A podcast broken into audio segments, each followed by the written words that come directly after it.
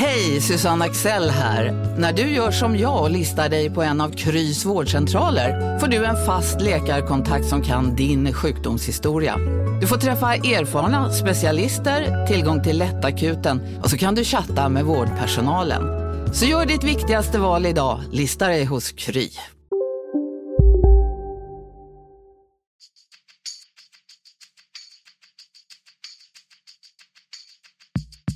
Skönt att komma ut och uh, bara lukta gräset. Så det, är, det är fotboll för mig. Nu är jag här och jag är väldigt glad att uh, kunna spela för det laget som jag har närmast om hjärtat. Om att skapa tro, om att tro på det vi gör, jobba vidare och vi ska bara ut där och ska vi leverera. Och det ska vi ju. Basta. Välkomna tillbaka till MFF-podden. Det här är avsnitt nummer 223. Jag heter Fredrik Hedenskog. Jag har sällskap av Fredrik Lindstrand och Max Wiman. God dag. God dag. Vi är eh, fortsatt utspridda över eh, Malmö med omnejd. Eh, och vill bara så här inledningsvis säga att vi förstår alla de som har synpunkter på den ljudkvalitet som har rått här under det senaste halvåret. Och det är som det är men vi, vi hoppas att det ska vara under eller det är under eh, arbete och vi hoppas att en förbättring ska komma inom kort. Precis. Det finns ingen som säljer in en podd lite som att man på förhand ber om ursäkt för ljudet. det är lika bra. Det är rätt, vi ska ha dialog med läsaren. Vi fokuserar, vi fokuserar på innehållet istället. Om um, någon kan höra det. Ja. Programledare Hedenskog kommer att vara testpilot, det kan vi väl till och med avslöja. Ja, det, ja. så kan det vara. Så blir det. Men uh, vi, uh, det kommer. Det vi ska prata om idag är eh, dels de kommande, Malmö FFs kommande matcher både i Europa och i Allsvenskan. Men vi börjar med de senast spelade matcherna.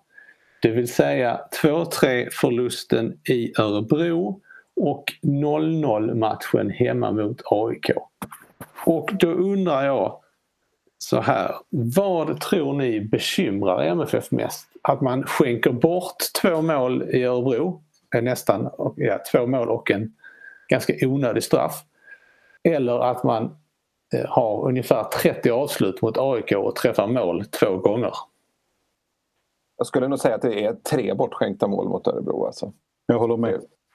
Men eh, jag skulle nog säga avsluten oroar lite mer. Eh, båda är frukten av individuella misstag i olika delar av planen. Men Örebro-matchen får man ändå se som någon slags undantag såvida det inte här är någon trend nu. Men eh, alltså, det, Malmö FF har varit väldigt solida bakåt och stått för väldigt lite av det vi såg mot Örebro. Eh, då skulle jag snarare säga att man någonstans kanske borde oroas lite över att man faller tillbaka i, i gamla synder så att säga mot AIK. Eh, även om varje match förstås är unik på sitt sätt. Liksom. Så, så nog AIK skulle jag säga, lutar åt det i alla fall. Jag instämmer väl med den lilla reservationen att om man tittar på förra säsongen så släppte Malmö in 16 mål på hela året. Och nu är man uppe i 20. Mm. Eh, så att det finns ju en lite oroande trend där. Sen om man tittar lite längre tillbaka, alltså de här framgångsrika åren, så har Malmö ofta legat under 26-27 upp mot 30 insläppta mål. Så att eh, slår man ut det så, så är det kanske inte så farligt. Men just jämfört med förra året så är det ju en, ett trendbrott så här långt kan man väl säga. Men jag håller med Fredrik ju... helt att just avslutsbiten är ju tillbaka där när allsvenskan började. Att det, det, det är dåliga avslut, det är avslut kanske i fel lägen och det är inte avslut när man bör ta dem. Eh, det känns lite ofokuserat måste jag ty tycka faktiskt. Ja, med, med, med den reservationen då, om man får komma med en till att, att MFF faktiskt kommer till hetare avslut mot AIK än vad man gjorde i början av säsongen. Det är ju trots allt fler avslut. Så det, det finns, jag tycker någonstans i, i spelet mot AIK så ser det är svårt att säga, det är, det är svårt att liksom hitta positiva aspekter i det. Så Men jag tycker ändå att det finns lite, lite tydligare anfallsvägar och sådär mot AIK jämfört med hur det såg ut i de tidiga matcherna den säsongen. Alltså den, någonstans under de här missarna så ligger det ändå en spelidé som är klarare nu än vad det har varit tidigare. Det, det, det är därför som det går liksom någonstans tycker jag ändå sen att MFF borde kunna studsa tillbaka. Det är inte så att man har ett långt jobb med det. Det, det är lite justeringar och, och sådana där saker. Vad, vad är det som ska, som ska justeras? Ja, egentligen är det väl kanske, kanske framförallt att, att spelare ska hitta in till de heta ytorna eh, på ett bra sätt. Jag tycker nästan att Marcus Antonsson sa det på ett bra sätt i sin kritik eh, som vi kommer återkomma till är att, att han är väldigt bra på att stå på rätt ställe i straffområdet när bollen ofta dyker upp där. Och det är väl framförallt att man ska ha in rätt spelare på rätt ställen som Ola Toivonen mot AIK var väldigt långt ifrån de situationerna där han är som farligast många gånger. Sjönk alldeles för djupt. Och det har ju lite att göra med ringrost. Han har ju trots allt inte spelat så många matcher på den senaste tiden i, i MFF. Så det är inte så konstigt. Och lite att man anpassar spel efter spelare. Ska man köra ett stenhårt inläggsspel då kanske man ska ha eh, fler stora pjäser in i straffområdet. Jag håller med om allt där måste jag säga. Man tittade på eh, vissa situationer. Jag har också plågat mig och sett om den här matchen som inte var sådär superunderhållande trots alla avslut. Eh, den var, det var ganska lågt tempo, långa stunder. Men där ser man till exempel att en sån spelare som Erik Larsson han eh, springer väldigt mycket och drar sig faktiskt in i straffområdet eh, rätt många gånger och då rör han till det. Alltså det händer mer eftersom han är rörlig. Eh, sen finns det någon sekvens, framförallt på slutet, där Oskar Lewicki kommer in i straffområdet. Alltså det är långt, långt in på övertiden. Och han har världens läge att skjuta men han passar bollen vidare. Eh, alltså det känns lite grann som att det, han är inte spelaren som ska vara där framme för han tar inte det, de initiativen. Och är han där så måste man ta dem därför att då kan det bli en felstuds och det kan bli en retur och så vidare. Så att, eh, tittar man på de större spelarna så är det nog rätt dålig rörlighet i många fall där inne. Eh, och eh, vi kommer väl komma tillbaka till det också, men just vad det gäller inläggsspelet så är jag fortfarande förvånad över att Jon Dahl Tomasson inte gör som han gjorde tidigare i sommar, utnyttjar sina byten. Släng in Lasse Nilsen där bak, ta upp Anel Ahmedhodzic där eh, på topp. Eh, e- eftersom den liksom till slut är så desperat och man, man bara slår inlägg. Eh, jag saknar ju den eh, mot ett trött AIK att man inte tar in fler fräscha ben som faktiskt bara kan springa och röra sig i straffområdet och ställa till det.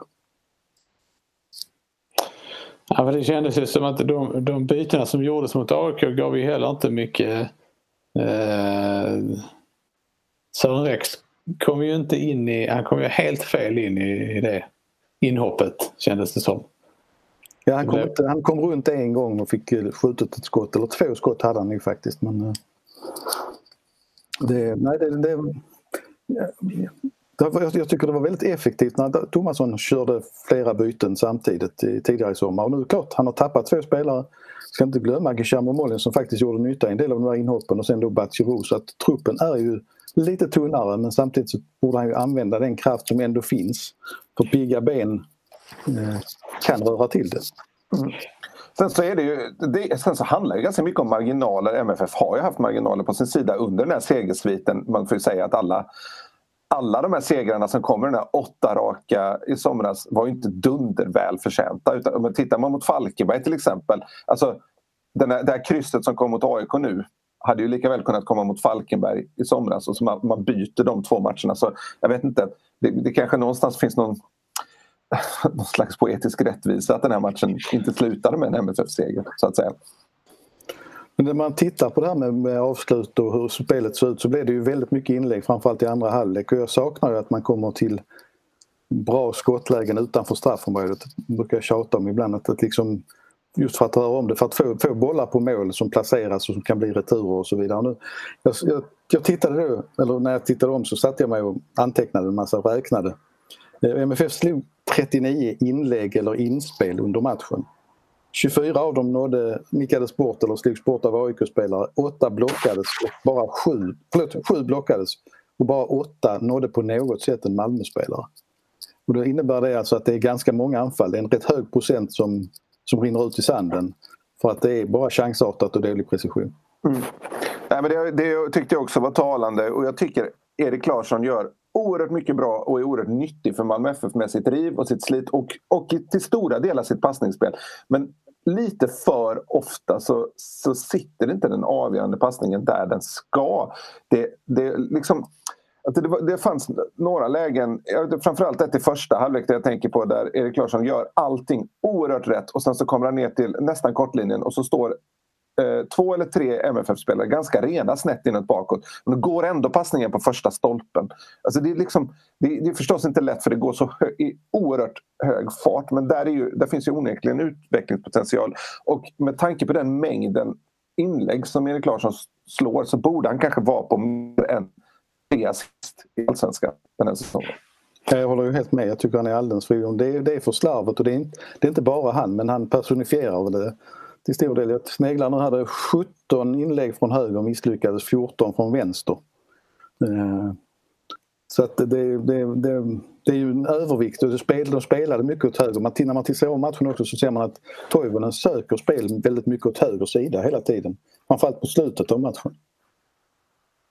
Det, blir, det är en väldigt ensidig bild där Toivonen spelar bollen i sidled till Lewicki som lägger ut den till Larsson och så tjongar han in den. Och det känns som att eh, det blir ganska lättläst till slut. Ja, ja det, kändes också, det kändes också som att eh, eh, Alltså om man tittar generellt, nu tog du ett exempel från första halvlek Fredrik, men om man tittar generellt på Fredrik Larssons matcher när, när matchbilden ser ut som den gjorde nu eh, så, så får jag en känsla av att inläggen är, håller relativt eh, hög kvalitet i första halvlek. Men sen i slutet av matcherna då har han sprungit så mycket och slagit så många inlägg så då har han inte kvar någon precision längre. När det kanske gäller som allra mest och det är trångt i straffområdet. Då kommer de här eh, ballongbollarna som i vissa fall liksom till och med går till inspark. Mm. Eh, och det gäller inte bara honom, det gäller, det gäller ju vänsterkanten också. Jag tycker du har väldigt rätt där Fredrik. Sen, sen en skillnad också som man ser det är att eh, som sagt, jag tycker ändå Erik Larsson han rör sig mer inåt straffområdet och han har ju faktiskt en vänsterfot också. Han, kan, han har ju något hyfsat skott. Om man tittar på Jonas Knutsson på andra kanten så kommer han ju aldrig in i straffområdet och han kan absolut inte göra någonting med höger fot. Han vänder... Eh, Klassiskt vänsterfot. Får han bollen så att han måste använda högern då spelar han bakåt och vrider sig så att han kan använda vänster. Eh, så det, det är klart det är lite olika spelartyper naturligtvis också. Men, men sen och det, tittar man på avsluten så eh, det, var, det, var, det är olika, olika statistik och det var därför jag började titta närmare på det här. Men, men eh, realist, det, det korrekta är nog faktiskt att Malmö hade fyra avslut på mål. Eh, det var ett par stycken som touchades till hörna av eh, målvakten. Eh, och, men man hade alltså 17 eller 18 utanför och 8 i block. Mm. Eh, jag trodde faktiskt i min enfald att, eh, för det, på förbundets hemsida står det eh, skott utanför och då trodde jag de var utanför men det visar sig att skott i block ligger där också. Mm. Men åtta skott i block och 17 eller 18 utanför det är rätt så häftigt. Mm. det, det, det, jag, jag, tycker också att Alltså det, det, jag, jag, tycker att båda kanterna har, har, har liksom stora förtjänster i Malmö FF. Jag tycker att de gör väldigt bra jobb och är viktiga i offensiven med sina löpningar för det finns inga som löper så mycket som de gör på planen. Och även om de inte får bollen så är de ett hot och drar isär motståndarnas straffområde. Men i såna här matcher när Anders Christiansen och Fouad Bachirou är borta eh, Bachirou permanent AC tillfället och de ersätts av Oskar Lewicki och Erdal Rakip. Då tappar MFF i den här oberäkneligheten och kreativiteten centralt som har, som har varit så viktig för dem under bland annat den här eh, långa sommarvinstsessionen. Eh, då, blir det, då blir kanterna spelfördelare på ett annat sätt. Och väldigt mycket större ansvar med boll läggs på Jonas Knutsen och Erik Larsson för det är de två som all, nästan alltid spelar där. Eh, och då måste man också, då, då skruvas ju kraven upp för vad man gör med bollen i de avslutande lägena. Och ingen av dem är ju i den bemärkelsen en Anders Christiansen och då blir det MFFs offensiv ganska, vad ska man säga, en smula förutsägbar. Och det, här har ju motståndarna nosat upp. Som man tittar på, Örebro gör ju en väldigt bra match mot Malmö i den bemärkelsen att man nästan konsekvent jobbar så att Oskar Lewicki blir spelfördelaren för MFF offensivt. Eh, det blir det förstås väldigt jobbigt när Anders Christiansen får gå av efter 22 minuter. Det, det, det, det, är, det är inte lätt att taktiskt göra om där eh, när han försvinner. så. Men det blir lite fel spelare för att ha bollen i rätt läge så att säga. Vad gäller Lewicki har jag också funderat, sen, sen Bachirou försvann så är det ju eh, Oskar Lewicki som, som tar rollen att samla upp andra bollar eh, utanför straffområdet efter MFFs hörnor. Eh, jag tyckte att det var ett tveksamt val redan att, att ha Bachirou där eftersom han inte heller har något eh, skott. skott att tala om. Men att sätta Lewicki där eh, som ju dessutom har väldigt mycket att tillföra i, i huvudspelet känns jättemärkligt. Ja. Um, alltså jag hade ju... varit på bortre stolpen ganska mycket innan. Ja, alltså det, för det är också... Man har noterat det att det är väldigt och så har det varit flera år. Det är väldigt ofta som bollen hamnar hos den spelaren där ute. Ja, det är sant. Eh, och jag har lite svårt, det är klart, dilemma är ju att, att de, de som, spelarna som är bäst på att avsluta är ofta också de som är bäst på att slå, slå hörnor. Men, men så himla komplicerat är det inte att slå hörnorna. Med tanke på, med tanke på den, den utdelningen de har. Jag, jag funderar på att om det inte vore bättre att sätta en spelare som har avslutskompetens och samla upp de här tio bollarna som det handlar om per match i princip. Vad säger du om detta? Jag tycker det låter jätteintressant.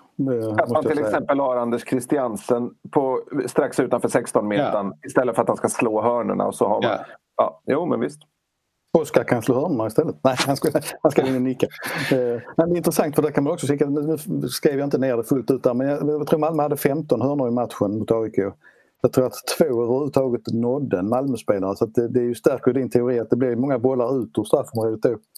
Eh, en komisk detalj, om man får kalla det så, är faktiskt att det sista som händer i matchen är att Malmö får en hörna från höger.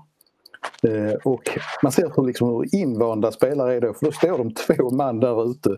Både Knudsen och, eh, jag kommer inte ihåg vem som till slut slår, Erik Larsson slår hörnan. Eh, precis därför att det är så det är bestämt i taktiken och jag hade ju öst in alla människor jag kunde framför mål istället. Eh, sen får man ju, eh, tänkte jag man kunde passa på också att påpeka från AIK-matchen att det är ju det var ju uppfriskande att se en domare som, eh, som visar att maskning inte lönar sig. Mm. Eh, det blev ju, matchen varade ju i 100 minuter till slut. Mm. Ja.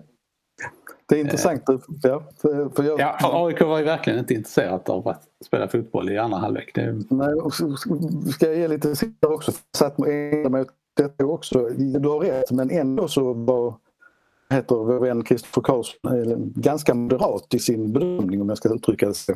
Första halvlek så la han till en minut. Lite drygt. Mm. Eh, det var skadeavbrott på nästan fyra minuter i den halvlek. Alltså bara skadeavbrott. Eh, sen hörde jag på tv-kommentatorerna att de kritiserar de sju minuterna i andra halvlek men tittar man på bara byten och skador så är det uppe i 6.40 nästan. Mm. Eh, och tittar du sen på hur länge AIKs målvakt, vi ska uppskatta att han hade 20 insparkar till 45 sekunder varje gång. Mm. Så är det alltså 8-9 minuter kanske som han mm. plockade bort.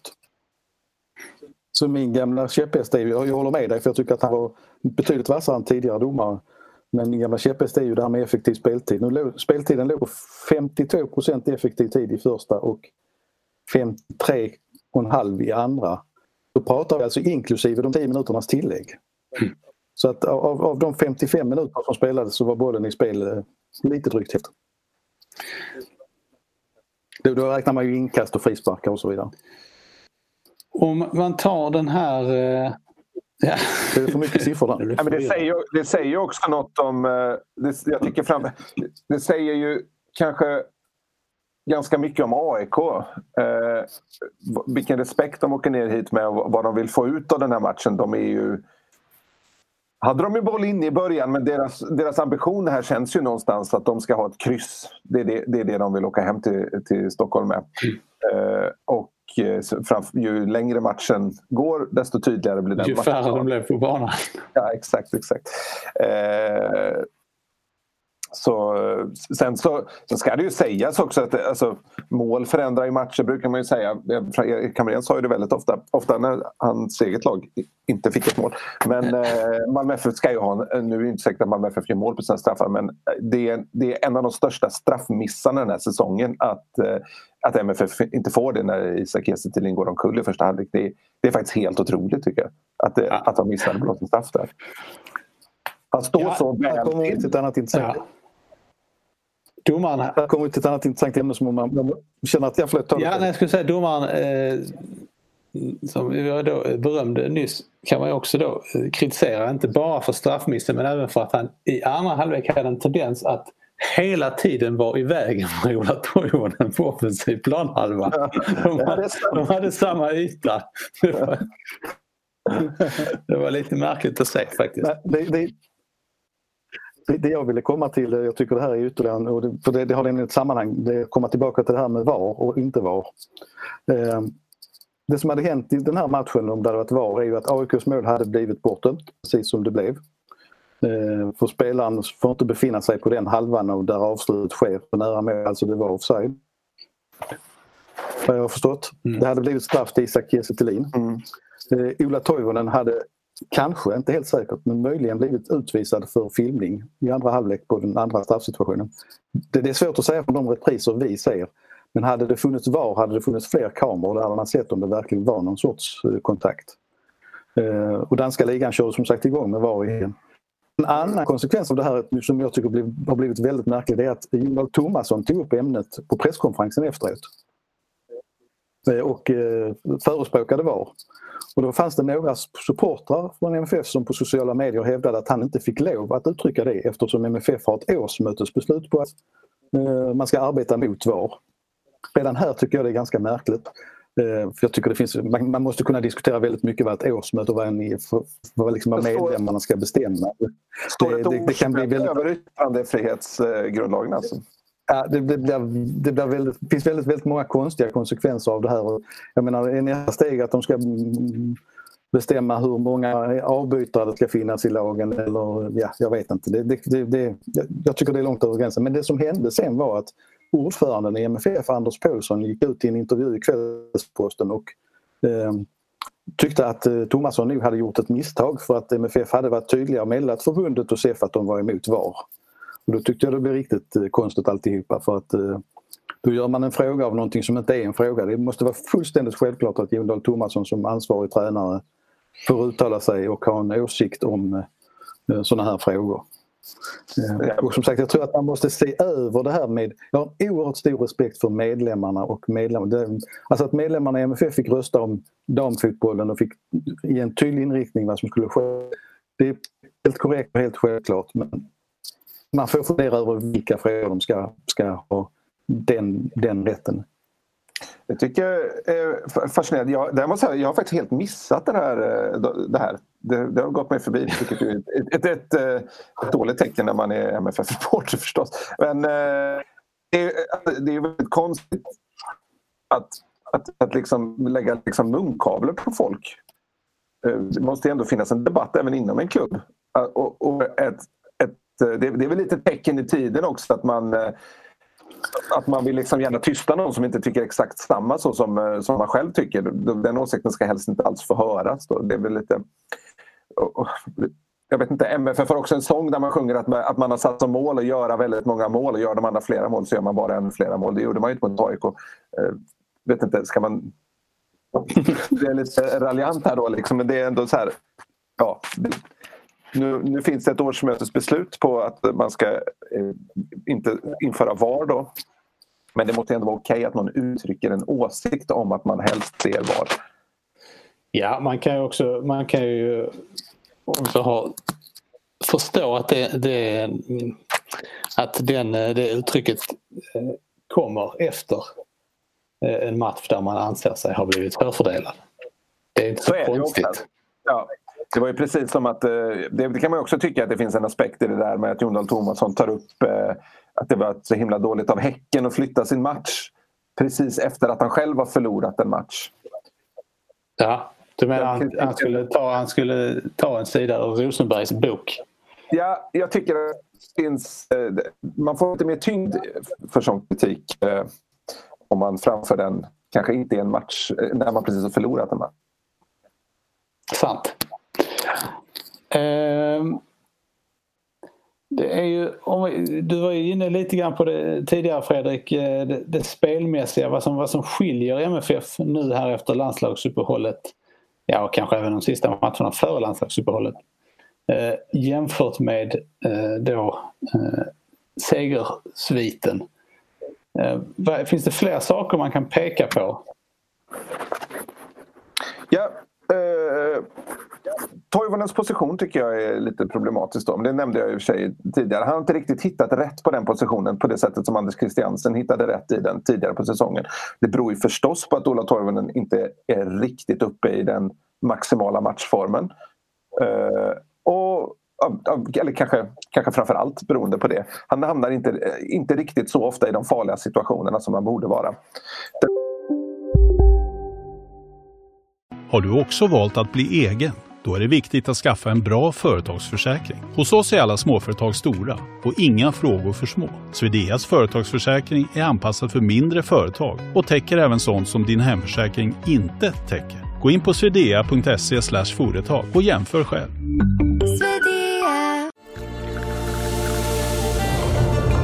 Välkommen till Maccafé på utvalda McDonalds restauranger med Baristakaffe till rimligt pris. Vad sägs om en latte eller cappuccino för bara 35 kronor? Alltid gjorda av våra utbildade baristor.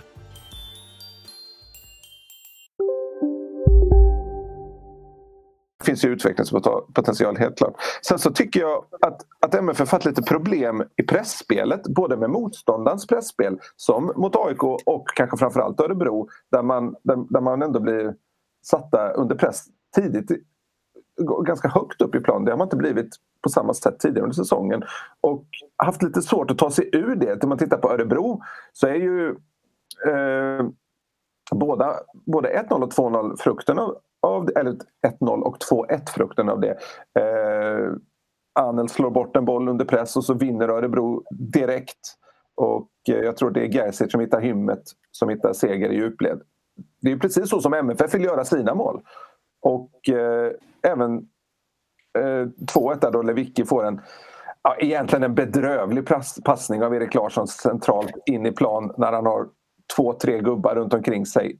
Det är inte, Oskar ska ju förstås sätta upp den bollen på ett, bara lyfta upp den och inte ta några risker där. Samtidigt så vill Jonas Thomas att man ska spela med risk. Så, ja, svårt läge där men det, där är också Örebro väldigt bra och högt upp och pressar MFF. Så där har man problem. Samtidigt tycker jag inte att man haft samma frenesi i sitt eget pressspel så som man hade i, i augusti till exempel. Där man verkligen var som blodhundar på motståndarna när de hade bollen i backlinjen. Så jag vet inte om det finns någon liten ja, liten kollektiv slitenhet i truppen när man inte kan uppbringa riktigt samma energi som man har gjort tidigare. Det är sånt som är väldigt svårt att sätta fingret på. Liksom. Det, det, det är oftast det, det, är oftast något som man, man, kan, man bara ser och känner av. Liksom. Att det, det ser inte riktigt lika frenetiskt ut. Kan, eh, det, det, var ord jag tänkte på där precis när du analyserade Fredrik, som, som du kom till på slutet där just det med energi och eh, Eh, liksom kollektivets slitenhet. För det, jag tror att trots uppehållet så ser det ut att handla lite grann om det faktiskt. Eh, om man tittar på de här individuella misstagen mot Örebro, jag har tjatat om det lite tidigare, Ahmed Hodzic gör en fantastisk säsong men när han dräller bort bollen där så det hade han inte gjort i början på säsongen men det är precis som det går lite trögt, lite pojkaktigt nästan att, eh, att eh, där inte är någon i vägen. Och det, det, det, jag klarar det här för jag är ensam på planen. Eh, lite, lite ofokuserat. Eh, och det tycker jag är lite varningsklockor. Vi har inte pratat så mycket om Örebro-matchen men om man liksom länkar den till det som händer imorgon i, nere i, i Budapest så där, där, i Europa har du inte råd till att drälla och sova så här och då, då, då åker du ut om du gör en sån prestation som mot Örebro. Sen kan man ju säga mot AIK att man inte släppte till någonting men det var kanske att AIK inte riktigt hade kraften till det heller. Och jag vet inte, det är liksom det finns väl också ett jag, jag tycker mig skönja från och med Elfsborgsmatchen också att Jon Dahl Tomasson, jag vet inte om det har att göra med eh, spelschemat, att det blir lite tätare nu, att matcherna trots allt blir viktigare nu. Att han inte gamblar lika mycket med byten och så. Då. till exempel att ja, men mot, mot Elfsborg där han bara gjorde ett byte. Där, där någonstans finns ju också en liten förklaring att man inte liksom kör tre spelare på ett bräde och bara öser på framåt. Liksom. Det är lite ja, även, även, äh, även variationen i startuppställningen har ju, har ju minskat kraftigt. Mm. Det är klart att det har att göra med att, att Bachirou och, och Molins har försvunnit. Men, men, äh, men det känns ju lite grann som att det, det börjar märkas där också. Att de spelarna som, som spelar hela tiden de börjar bli lite märkta av det. Mm. Ja, man ska inte glömma också att de spelare som inte spelar kör ju ofta en träning dagen efter till exempel. Och vissa, spelare kanske skulle må bra av att få tillfälle att träna. Okej, nu har det funnits ett landslagsuppehåll så att vi ska inte, det är inte helt korrekt i denna situation. Men jag tror att, man, att vila spelare har också den funktionen att, att de får möjlighet att träna lite grann. Mm. Mm. Och just det, vad det gäller bytena så återigen tillbaka till AIK-matchen. Han använde två av fem byten och AIK var trötta. Nu har vi varit rätt negativa egentligen men det, det har funnits så mycket att lyfta i de här eh, två senaste matcherna faktiskt. Men om man vänder på det då så, så är det ju så att MFF leder ju fortfarande allsvenskan. Eh, man är sex poäng före Häcken och sju poäng före Elfsborg. Eh, visserligen med en match mer spelad. Eh, men då är frågan om man tittar framåt här på de, de eh, tio matcher som MFF har kvar. Var finns, eh, var finns eh, sparkapitalet? Var finns förbättringspotentialen? Både på individnivå och, och spelmässigt så att säga. Jag skulle först vilja börja säga att hotet finns ju i det form av att man av de här tio matcherna har tre stycken på konstgräs mot Norrköping, Djurgården och Hammarby. Eh, och det kommer att bli nyckelmatcher. Alltså Malmö måste prestera i de här matcherna. Man har inte råd att tappa typ, ja, naturligtvis tre förluster. Eller man måste nog ha åtminstone en seger och två oavgjorda i de matcherna. Tror jag. Fredrik? Men det, det, som talar för är ju framförallt Toivonen. Att man, där, där har man ju ett oerhört sparkapital. Det, vi har ju fortfarande inte sett det bästa av honom. Och eh, jag tror också man kommer, man, man kommer också, måste ju, det, är, det är också den svåra balansgången här. Den, det, det, har ju blivit lite rörigt eller vad man ska säga utan Bachirou. Det är många som försöker... Man måste hitta en, en tydlig balans på mittfältet. Vem gör vad? För att Bachirou har gjort väldigt, väldigt mycket i båda riktningarna. Nu har kanske MFF lite mer utpräglade Lewicki som hellre tittar lite, har liksom uppdraget lite längre bak i plan. Så, så samtidigt är Christiansen borta och då lämnar han ett litet tomrum framåt i plan. Och där någonstans behöver man hitta rätt. Kanske bli, löser det sig när Bonke kommer in och, och blir liksom lite tydligare persongalleri där i, på mitten helt enkelt. Sen är det ju viktigt att Anders Christiansen kommer tillbaka naturligtvis. Det, det har man ju sett och tittar man siffermässigt så vet jag att eh, Malmö vinner ju ofta inte när han inte spelar om jag uttrycker så. Eh, så han är ju väldigt, väldigt viktig. Det finns ju liksom inte någon annan Erdal Rakip skulle kunna likna honom lite grann men han är ju inte i närheten av samma kvaliteter. Så det, det är lite som Thomas säger där att saknas allsvenskans bästa spelare så det är klart att det märks. Ja, men så är det för alla lag förstås. Eh, och sen så finns det sparkapital i Felix Beijmo också. Erik Larsson har trots allt spelat väldigt, väldigt mycket och behöver konkurrens på den positionen. Eh, se om Bejmo kan komma upp i, i, i form. Han har inte spelat mycket matcher på senaste. Nej, och det var ju också lite, även om han hade varit iväg här med u landslaget så, så kändes det som att man har varit eh, väldigt försiktig med matchandet av honom. Mm. Kapital är naturligtvis också en eh, om Malmö gör en bra Europaresa tror jag någonstans. Alltså att man, för laget fungerar ju ofta bäst när man spelar mycket matcher. Eh, men just i år så känner jag en liten osäkerhet där ändå eftersom det gäller att få hemmamatcher. De här, man har ju en hemmamatch i nästa kvalomgång om man går vidare. Kanske gäller att få det i playoff också för att slippa krångliga resor. Mm. Men Europaspelet har ju ofta påverkat MFF positivt. Mm. Sen så ska det ju också sägas eh, om man tittar bara i allsvenskan då att laget som leder säsongen efter en tredjedel nästan alltid vinner allsvenskan. Ytterst få undantag det sker.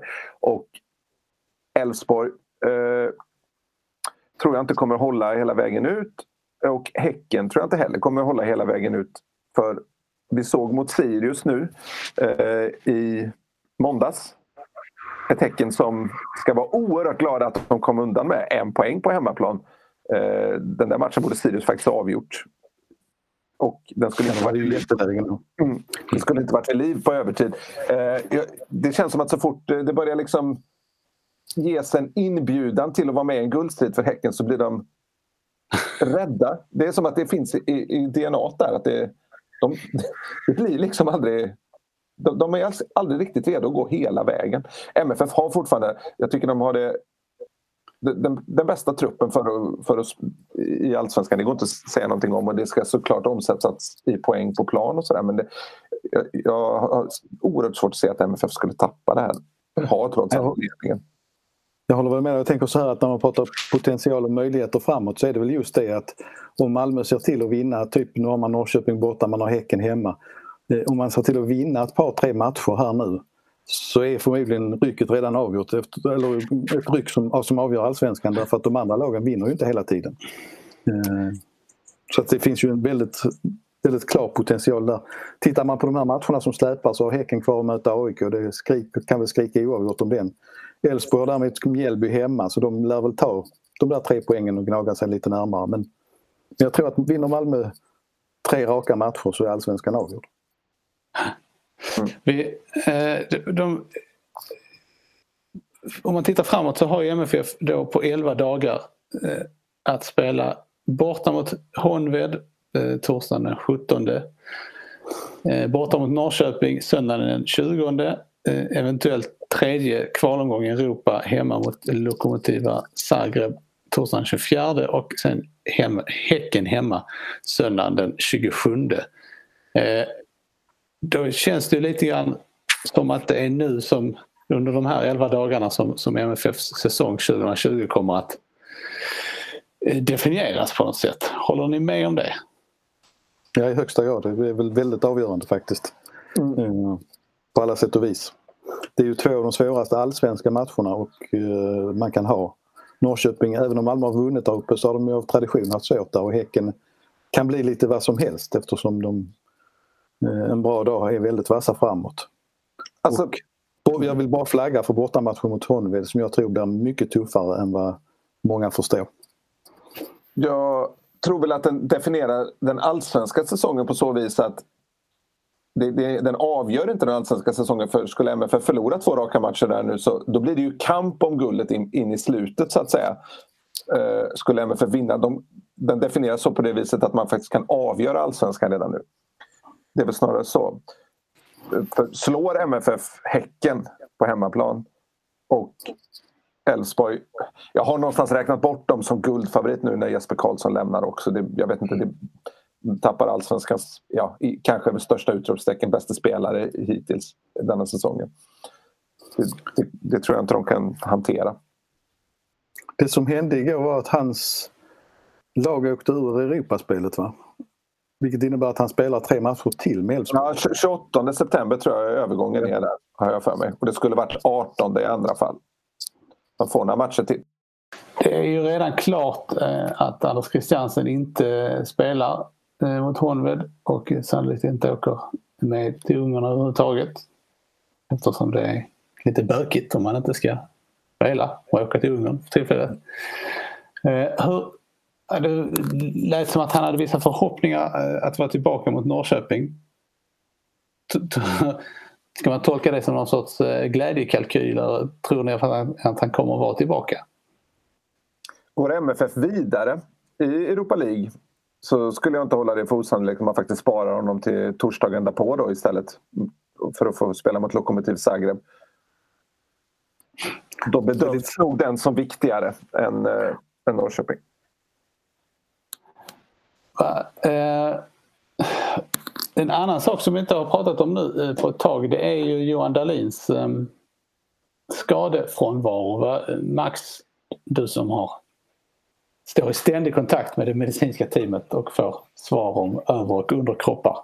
Eh, hur, hur tolkar du de signalerna. Nej, men man kan väl säga så här eh, snarare då från hästens egen mun eftersom jag pratade med Johan Dahlin igår och det kommer att bli en artikel som kommer att komma ut på sydsvenskan.se och i papperstidningen idag eller imorgon. Det är inte papperstidningen idag men.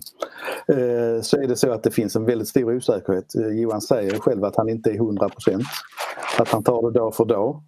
Att det handlar om en avvägning om hur mycket man vågar riskera.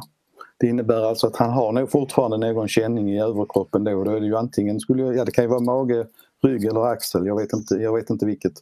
Um, men att han har, har fortfarande någon känning av att eh, han liksom inte man vet inte om det håller eller ej för honom. Uh, han är nog ganska tydlig med det att, att eh, om, om han kör då är det bara att köra för 100 som han uttryckte det. Så att, jag tror att det finns fortsatt en väldigt stor osäkerhet och med tanke på att matchen imorgon kan bli 120 minuter lång och gå till straffar så tvivlar ju jag på att Dahlin står i mål imorgon i alla fall. Mm. Och att det låter som att det här är en, om man ska vara lite orus, vad heter det, olycksfågel, att det här är en historia som, som liksom kan hänga med. Eh, vi vet inte riktigt när den blir bra. Eh, samtidigt kan man ju då känna att det är lite märkligt att han sitter på bänken. Det innebär att han måste vara redo men det känns som att man på något sätt kalkylerar där med att det är så sällan det blir målvaktsbyten och i så fall så får man väl låta det bära eller brista om, om de kommer i den situationen. Lite så känns det. Men han, han eh, Johan är ju inte en vän av stora ord och eh, att uttrycka sig sådär väldigt detaljerat men eh, han, han var ändå så pass tydlig att han känner sig väldigt osäker själv. Eh, så att, eh, ja, ungefär där. Ungefär där. Jag tänkte också att vi skulle prata om, om det missnöje som, som Marcus Antonsson luftade i, efter träningen i, igår, det vill säga tisdagsträningen. Eh, där han känner att han har eh, hamnat väldigt långt från en startelva utan att ha fått någon eh, riktig förklaring till det hela. Ehm, är den, kan, man, kan man förstå den kritiken? Ja, det tycker jag. Och det, det, kändes, det kändes ju väldigt uppfriskande att någon sa sin hjärtas mening. Man tänkte, hände verkligen det där? Gör, gör spelare så fortfarande? Kommer Marcus Antonsson vara mystiskt försvunnen nu efter detta? Nej, men eh, skämt åsido. Det, jag tycker det finns, det finns gnäll och det finns eh, gnäll så att säga. Och det här tycker jag ändå är, jag tycker Antonsson lägger ut texten och är väldigt konstruktiv. Det, känns, det här känns som ett, ett, ett genuint vilja att få spela, att få prestera för Malmö FF snarare än att det ligger en agent i bakvattnet som vill liksom röra upp någon slags klubbyte eller något sånt där. Det, här är inte, det, är inte, det är inte alls det sistnämnda. Utan det är liksom, Marcus Antonsson vill spela fotboll och det måste man kunna ha respekt för. Eh, att en spelare svarar på en rak fråga också. Det, det känns mm. rimligt och det verkar som att Jon Dahl Tomasson har full förståelse för det. Ja, han eh, var ju rätt tydlig med att han kunde ta att spelare snackade. Samtidigt så han, markerade han ju att det var på träning han kunde visa vad han, vad han, vad han kan så att säga. Men situationen, jag, jag kan förstå Antonsson så tillvida, han har inte haft någon bra säsong. Men eh, så som Malmö FF har hamnat i situationer de senaste matcherna så känns det ju återigen då konstigt att man inte utnyttjar alla möjligheter som finns och att när man öser in bollar i straffområdet mot Örebro inte kasta in en sån som Antonsson när man har byten kvar eh, och kanske ta ut en ytterback eller vad som helst. Liksom. känns ganska märkligt. Mm. Eh, och det känns någonstans lite märkligt också att han faktiskt var ända uppe på läktaren mot AIK tycker jag. Eh, sen kan jag inte direkt säga vem jag skulle vilja plocka bort från, från, från bänken men, men ja, jag vet inte. Det, det är lite grann tränare är ju sådär att de ibland... Han, han, Tomasson trodde ju väldigt mycket och satsade på Antonsson i början men det är precis som att när du hamnar nere i frysboxen bland fiskpinnarna som en kollega uttryckte det så, så kan det vara väldigt svårt att komma upp därifrån. Mm.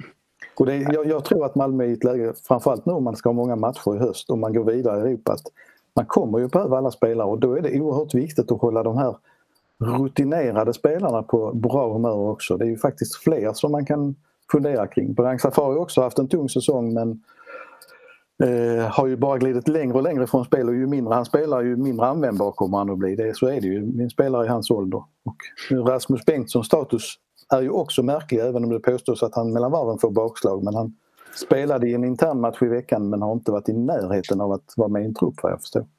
Mm. Ja, det känns överhuvudtaget som att eh, de här spelarna som, som är lite på, om vi kallar dem marginalspelare, att det har gått ju ganska mycket liksom i, i sjok och i vågor. Eh, som du sa Max, så Antonsson fick ju spela mycket i början precis som, som, eh, som Nalic och precis som Pritsa. Eh, Pritsa är nu försvunnen. Nalic hade ett par veckor där han inte såg planen i, i matchsammanhang. Eh, nu har han fått göra lite inhopp. Eh, vi hade ju eh, Sar som spelade ganska mycket en kort period. Nu var det rätt så länge sedan man såg honom någonting. Hur, hur, hur tolkar ni de här svängningarna så att säga? Alltså någonstans kan man ju inte argumentera för mycket mot dem heller för att Malmö FF leder ju trots allt serien. Om, vi, om alla skulle spela lika mycket och topplagen tar maxpoäng så är det ju ändå tre poängs serieledning efter 20 omgångar. Och man är vidare i Europa. Eh, det, det, går inte, det går inte att klaga för mycket heller. Liksom. Alltså, det, det, visst, i enskilda matcher så är vissa beslut underliga. Och Marcus Antonsson framstår absolut inte som någon som inte skulle ge allt på träningar.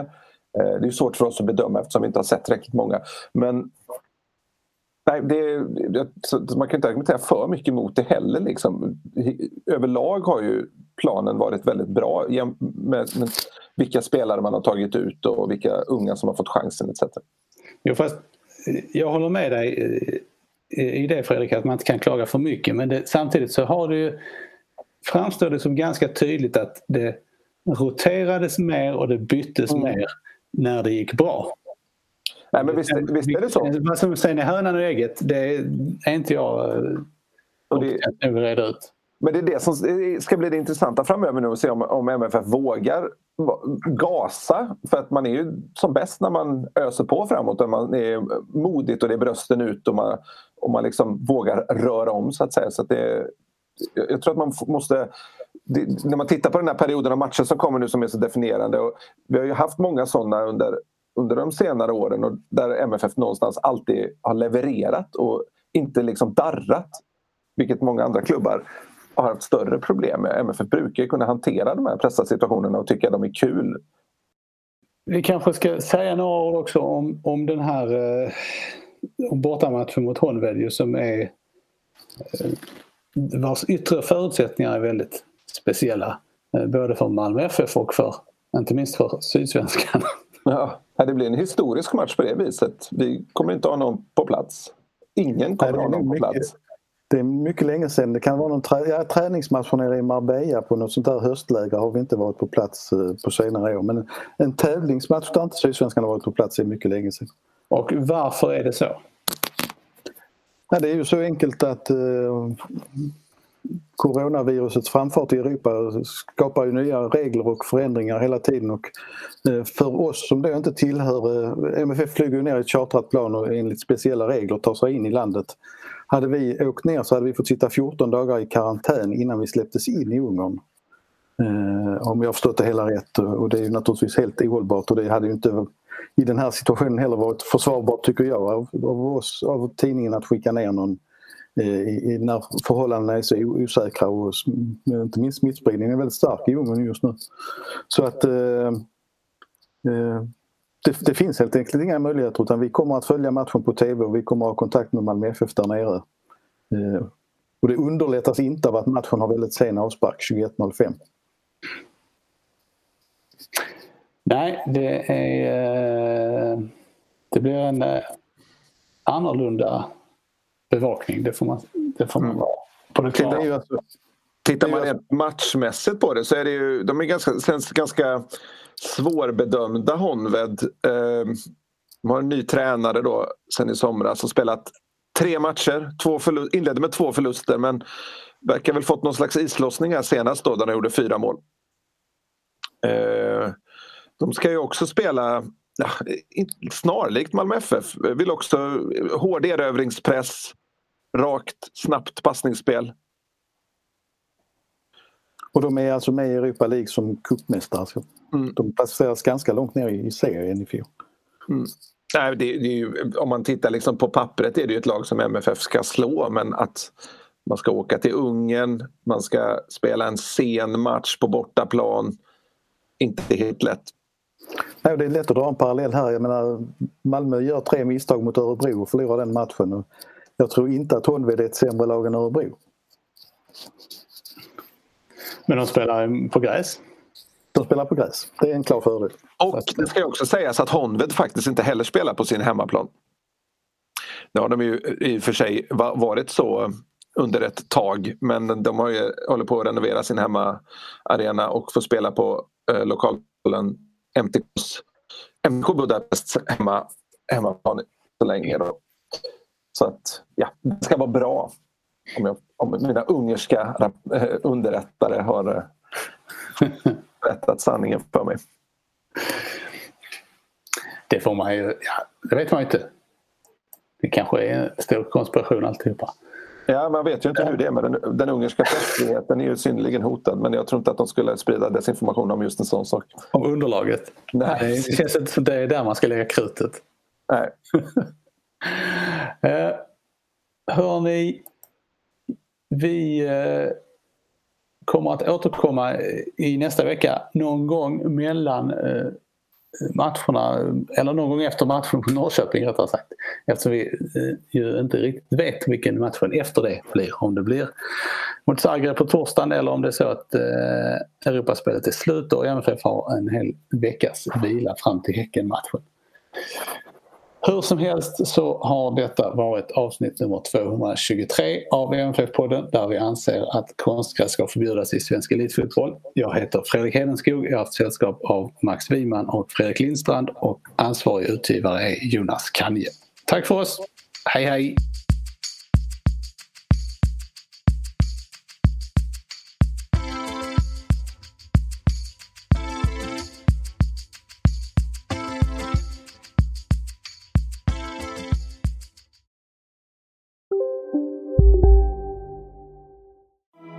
Sverige!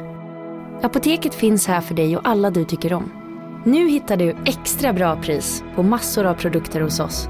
Allt för att du ska må bra. Välkommen till oss på Apoteket. Njut av Max Selection El Maco med Premium Beef. Vår saftiga och lyxiga burgare av 100% svenskt nötkött och 100% fantastisk smak. För ett ännu godare McDonalds.